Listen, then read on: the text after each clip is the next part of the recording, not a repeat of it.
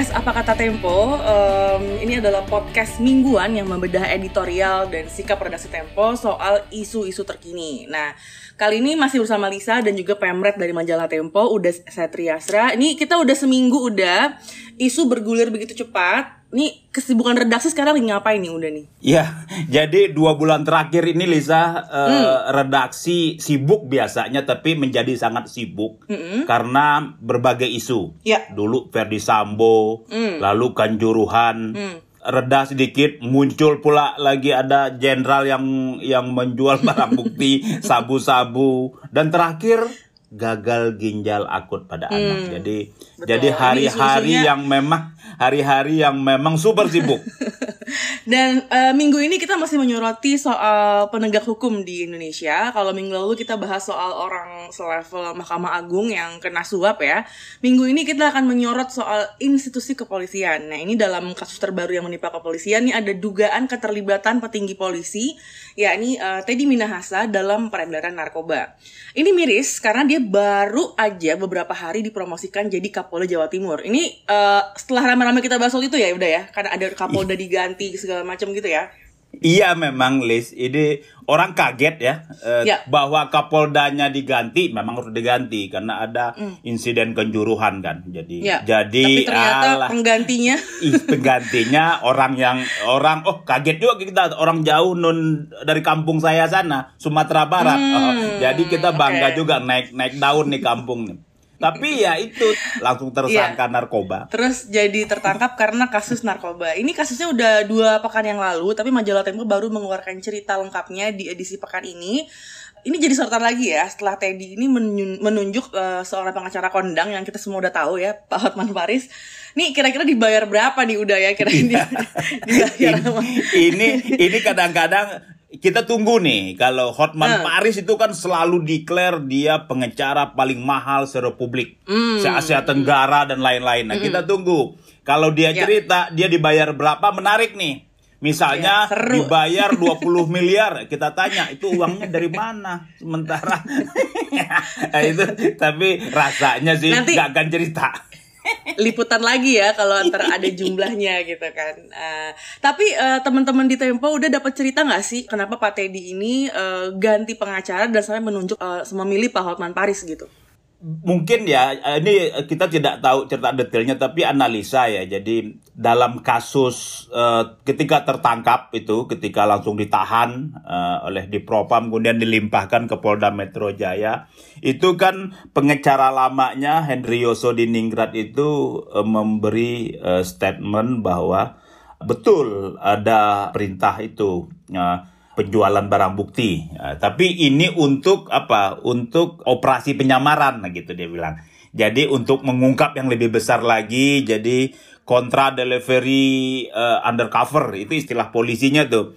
Jadi mm. dia pakai barang bukti yang uh, hasil tangkapan itu untuk mengumpan lagi dan menangkap lebih besar lagi. Nah, ini kon kontraproduktif, kan tidak semudah itu dan rasanya uh, ya kalau saya tangkap sih memang ini kan posisinya sangat sulit, bukti-buktinya sangat telak ya. Sangat telak dan ya bisa jadi dengan mengganti ke seorang lawyer yang juga sangat terkenal tetapi mempunyai banyak follower di Instagram, di Facebook dan lain-lain minimal bisa uh, menarik simpati publik. Itu tapi ini lagi-lagi analisa. Tapi beda lah ya. Hmm. Kalau Hotman kan kita show off dia. Wah, confidence-nya tinggi ya, tapi yeah. tapi menarik lah ini. Ini kasus seorang jenderal bintang 2 hmm. kemudian ditangkap sendiri oleh institusinya. Nah, kemudian dibela oleh Hotman Paris. Ini, hmm. ini ini bukan perang bintangnya ajang bintang, bintang bintang lawyer bintang, kemudian institusinya bintang, tersangkanya bintang juga. Nah ini selain kasus narkoba udah ada kasus besar lagi ya. Jadi ada kasus Freddy Sambo, ada kasus Kanjuruhan juga. Ini uh, pekan ini editorial Tempo cukup keras nih karena sudah ada sudah nggak ada pilihan lagi sepertinya kita harus reformasi polisi gitu. Nah sebelum kita ngulik uh, editorial majalah Tempo minggu ini kita bahas sedikit dulu soal kasus Teddy Minahasa. Jadi seberapa jauh sih udah sebenarnya dia ini terlibat keterlibatan dia dalam dugaan uh, peredaran narkoba saat ia menjabat jadi Kapolda Sumatera Barat? Ya, ini bermula dari Mei lalu ya. Hmm. Jadi ya. ada penangkapan terbesar narkoba jenis sabu, sabu-sabu di Polresta Bukit Tinggi. Bukit Tinggi itu jam gadang, daerah yang sangat indah di Sumatera Barat. Ternyata banyak sabu hmm. juga. ya, ya ini ini mengagetkan Lisa karena ini adalah penangkapan terbesar sepanjang sejarah uh, hmm. di Sumatera Barat. Karena Sumatera Barat ya daerah uh, kecil, kemudian bukan daerah tujuan wisata tuh yang turis segala macam ya, wisata lokal. Ya. Uh, hmm. Ini terbesar. Gila ya. Waktu itu penangkapannya 41,6 kilogram. Ya. Oke, itu yang dirilis ke publik segala macam. Nah, diam-diam dari 41,6 itu disisihkan 5 kilo. Buat? 5 kilo diganti dengan tawes. Jadi kan barang bukti kan harus dimusnahkan tuh. Ya. Diganti dengan tawes. Tawes itu mirip sekali mirip dengan bubuk oh. sabu kemudian yang 5 kg ini dijual oh, dijual okay. uh, ke Jakarta tertangkap diproses ternyata ini melibatkan Kapolres Bukit Tinggi oh my god AKBP Dodi Prawira Negara yang kemudian kita hmm. ketika ditahan uh, diperiksa oleh polisi dia mengaku diperintah oleh Kapoldanya Inspektur hmm. Jenderal hmm. Teddy Minahasa jadi jadi bisa dibayangkan Lisa, ini narkoba ditangkap kemudian dijual. Aduh. Oke oke oke. ini udah kita langsung bahas aja nih sebenarnya siapa sih udah Teddy Minahasa ini karena kabarnya uh, dia punya kekayaan hampir 30 miliar dan uh, jadi perwira polisi terkaya ini perlu masuk rekor muri apa gimana nih udah yeah. silakan dijelaskan yeah. sosok Teddy Minahasa yeah. kalau terkaya betul di LKPN-nya dia terkaya 29, hmm. sekian miliar gitu nyaris 30 miliar tapi ini orang juga punya uh, rekam jejak yang dahsyat dia itu hmm alumni Akademi Kepolisian 93. Jadi hmm. satu tahun di bawah uh, Ferdi Sambo. Jadi okay. kemudian pernah menjadi Kapolresta Malang dan karir terbesarnya adalah uh, yang fenomenalnya adalah menjadi ajudan Wakil Presiden Yusuf Kala. Ah gitu. Okay. Jadi jadi mentereng sekali. Sebelumnya yeah. sempat jadi calon kuat menjadi ajudan Presiden Jokowi tapi beralih ke Listio Sigit Prabowo yang sekarang menjadi Kapolri. Dia bergeser hmm. menjadi ajudannya Wakil Presiden Yusuf Kala. Ya, yang paling fenomenal memang dia menjadi polisi terkaya. Polisi hmm. terkaya tapi LHKPN. Nah, LHKPN yang realnya jangan-jangan juga banyak yang kaya kita nggak tahu. Ini yang ketahuan yang ya. Ket yang orangnya jujur nih, jujur melaporkan LKPN. Iya ya, jadi ini tercatat karena punya kekayaan yang melimpah. Artinya selain jadi polisi, uh, Pak Teddy ini juga punya bisnis ya. Udah, emang boleh polisi aktif nah, uh, ini punya ini bisnis? inilah uh, kami dulu uh, majalah Tempo 2014 itu pernah ya. menulis. Nah, ternyata dia juga menjadi komisaris utama sebuah perusahaan properti di Malang. Hmm.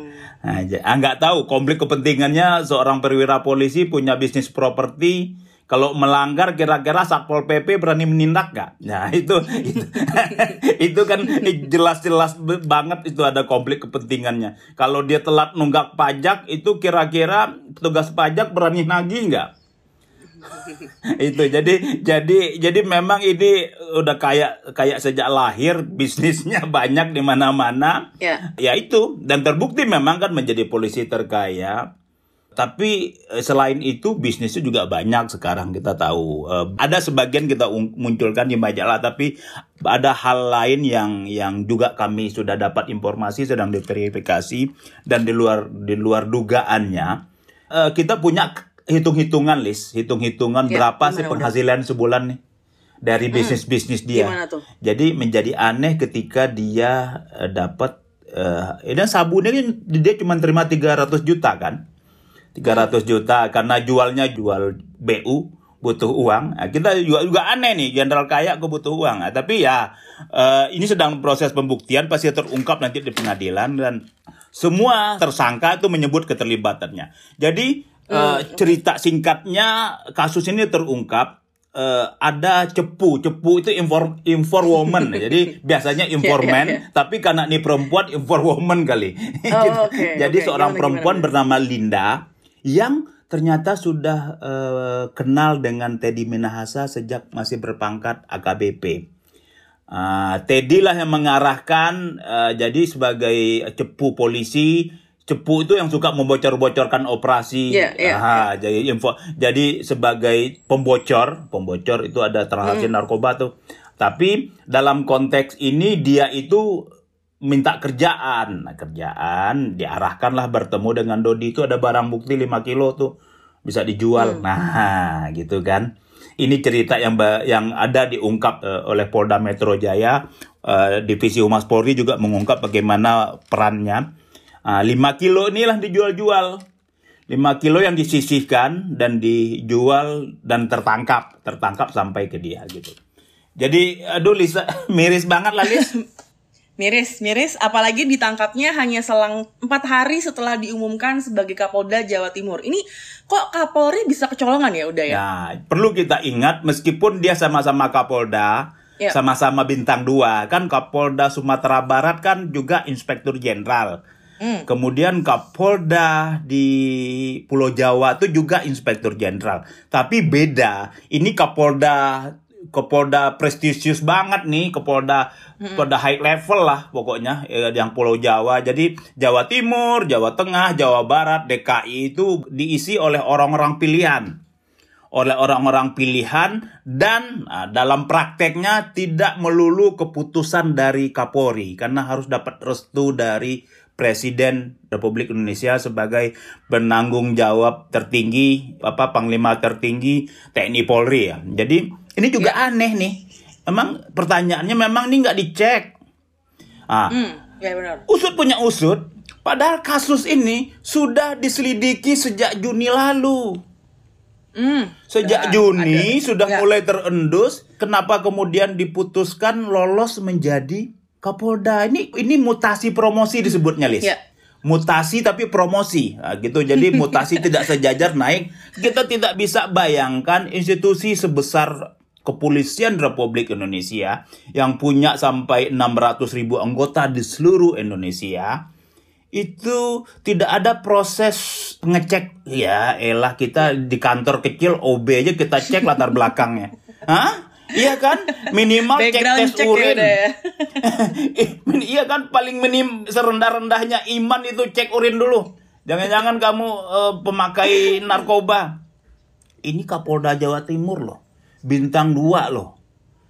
Masa bisa aduh ini kita kita cuman bilang bisa bilang ini Lisa. Aduh. Aduh, ya elah, ya elah. Kan gitu-gitu doang tuh jadinya tuh. Bagaimana institusi Polri loh Ya. Ini kecuali Hansip itu cocok lah kali kita kita tanpa cek ini rasionalnya nggak masuk. Ya, betul. Ingat loh, Kapolda Jawa Timur, Polda Kepolisian Daerah Jawa Timur itu adalah kepolisian daerah paling besar seluruh Indonesia. Apa hmm. ukurannya? Levelnya Polresnya paling banyak, Polseknya apalagi gitu loh. Jadi kemudian bisa bisa ketelisut apa apa ketelisut atau kita nggak tahu. Kita mau mau bertanya nih Bagaimana proses seleksinya? Kan uh, ada Wan Jakti yang buat memutuskan seorang lolos. Kenapa bisa lolos? Ah ya ternyata usut punya usut ya sudah nih ada ada ada banyak kejadian nih Ferdi Sambo, Kanjuruhan ah, dan sekarang yang namanya Teddy Minahasa. Ya memang jangan-jangan memang ada yang ada masalah besar di di Polri-nya. Hmm. Oleh karena itu opini menyebut sudah rombak total ya. dan ini tanggung jawabnya siapa? Tanggung jawabnya presiden. Hmm, oke. Okay. Ini mau nanya dulu. Ini kan editorial Temponya menyebut kalau reformasi Polri ini harus segera dilakukan. Ini apakah kepolisian kita udah segitu nggak terselamatkannya? Udah sampai harus ada perombakan total? Nggak ya kita lihat dalam dalam dua bulan terakhir, Lisa. Hmm. Ini ada seorang jenderal bintang dua menembak merencanakan pembunuhan anak buahnya. Hmm. Kemudian ada proses pengamanan pertandingan sepak bola yang melibatkan 130 sekian orang meninggal. Kemudian ada eh, jenderal uh, bintang 2 yang tertangkap menjual barang bukti yeah. narkoba. Kita mau bilang apa lagi nih? masa kita bilang udah bubarin terus siapa dong nanti yang jadi petugas eh, jadi bidang keamanannya dan penjaga ketertiban masyarakat kan kan ya memang solusinya adalah ini harus direformasi harus lakukan perombakan total dan ini nah ini mohon maaf nih kita harus eh, berani mengatakan kami di di opini Tempo mengatakan Pak Jokowi jangan buang-buang kesempatan anda sudah 8 tahun menjabat, Ya. tinggal dua tahun lagi, dan 8 tahun itu Anda tidak melakukan apa-apa terhadap institusi namanya Polri. Masih ada waktu, jangan sia-siakan, lakukan pembenahan mendasar terhadap institusi ini. Karena ini institusi yang yang diperlukan oleh alat negara loh. Kita bisa membayangkan nggak ada polisi, bagaimana kekacauan kehidupan kita. Hmm, tapi kalau polisinya begini, aduh jangan-jangan, nah, jangan macam-macam spekulasi orang. Jadi momentum pembenahan itu yang seharusnya dilakukan 3-4 tahun lalu tidak dilakukan dan hasilnya seperti sekarang Dan ya seperti ini ya. saatnya berteriak lagi ayo dong kapan? Gitu. Jadi memang ini tanggung jawab presiden tanggung jawab presiden. Dia dia eh, ya dia yang mengangkat Kapolri dia yang mengusulkan anggaran kemudian diketok palu bersama DPR ya dia harus juga yang melakukan pembenahan. Ya. Nah, udah ini em, setelah kasus Sambo dan Kanjuruhan, Pak Jokowi kan sudah panggil para petinggi polisi ke istana gitu ya. Dari informasi yang dihimpun teman-teman redaksi ini, tindak lanjut pertemuan itu apa udah? Ya nggak ada. ya kecuali menghimbau yang tadi menghimbau jangan apa tilang, jangan anggota tidak boleh lagi menyetor ke atasan, jangan berhidup mewah. Padahal bukan itu sebetulnya. Kalau kita cek lagi pidatonya presiden yang kemudian muncul banyak di TikTok, kemudian diulangi lagi Ya. oleh Pak Kapolri, jangan hidup mewah, jangan suka flexing, pamer-pamer.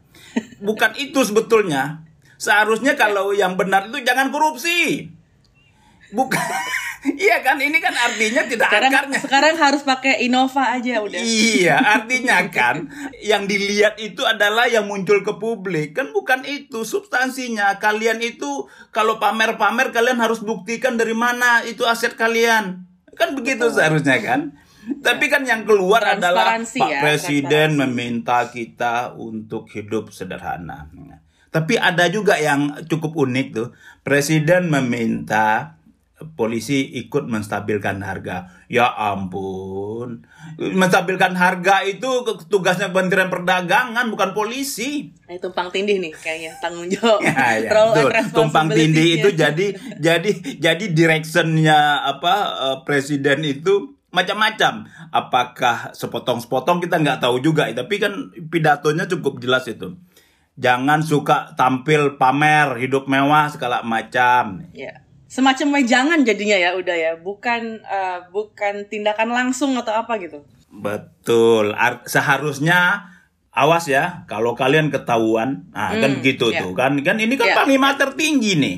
Ya. Penanggung jawab tertinggi eh, Polri dan TNI, Presiden Republik Indonesia. Dia harus masuk ke substansi. Apa sih persoalan selama ini yang membuat eh, banyak polisi muncul di media sosial dengan hedon, dengan kemewahan dan lain-lain? Ternyata berbagai persoalan struktural. Apa contohnya ya tadi tadi Minahasa itu. Bisa dibayangkan Lisa, ini polisi yang mempunyai kewenangan menangkap pelaku narkoba, Ya. mengamankan eh, barang bukti. Barang buktinya seharusnya dimusnahkan kan? Dan tidak ada bisa mengontrol kalau barang bukti itu dijual lagi. Iya. Kan cuman di cuman dibakar. Dibakar ya diganti dengan tepung terigu juga bisa itu. Nggak Nggak usah kelihatan tawas, ya nggak usah tawas gitu yang nggak susah mungkin carinya tepung terigu aja. Nah, gitu. Tapi tapi memang ada persoalan mendasar, persoalan struktural yang harus dibenahi. Apa cara pembenahannya? Reformasi total. Gimana tuh udah bentuk reformasi yang harus dilakukan di Polri? Ca- Cara ngebersihinnya gimana nih udah? Ya pasti dari atas. Jadi memang eh, harus Ganti ah, semua orang-orangnya? Ya, ya mungkin paling yang paling benar eh, yang kemudian dilakukan adalah membentuk tim reformasi yang melibatkan orang-orang uh, dari kampus, orang-orang yang teruji kredibilitasnya, integritasnya, itu dipakai untuk apa sih sistem-sistem yang ada sekarang ini yang memberi celah terjadi uh, manipulasi, terjadi membuat membuat siapa saja yang masuk ke sana itu bisa tergoda melakukan pelanggaran. Ini kan sistem yang salah. Hmm. Jadi mungkin orang yang sangat baik tapi ketika masuk ke sebuah sistem yang yang lemah gitu yang memberi ruang orang untuk melakukan uh, pelanggaran, uh, sistemnya dibenahi. Nah, ini pernya perlu dibentuk dan langsung dibawa presiden. Hmm. Dibawa presiden bagaimana bagaimana Polri Polri Reborn lah kita kasih istilah. Yeah. Jadi muncul dengan dengan sistem yang solid, dengan apa organisasi yang solid yang menutup berbagai ruang terjadi penyimpangan. Kita harus tetap berharap ya karena tapi tapi kadang-kadang agak males juga berharap terus karena Sulit ada kayaknya udah ada lembaga yang sudah netizen. bagus yang namanya KPK Lisa itu diubah total iya. menjadi tidak bagus ya, jadi iya. jadi apakah kita boleh berharap lembaga yang di banyak dipertanyakan publik bisa menjadi lebih bagus ya tetap harapan jadi tetap iya. tidak boleh kehilangan harapan dan uh, podcast ini melaksanakan tugas itu untuk selalu menghimbau menaruh harapan. Tapi udah sejak berbagai kasus ini uh, menyeruak gitu ya ke publik, kan Kapolri Listio Sigit sudah sempat bilang kalau kepolisian sedang melakukan pemurnian jadi emas 24 karat nih udah. Jadi tilang aja sekarang elektronik nggak boleh tilang manual lagi gitu. Udah sudah melihat belum nih kilau-kilau emas hasil pemurnian dari kepolisian?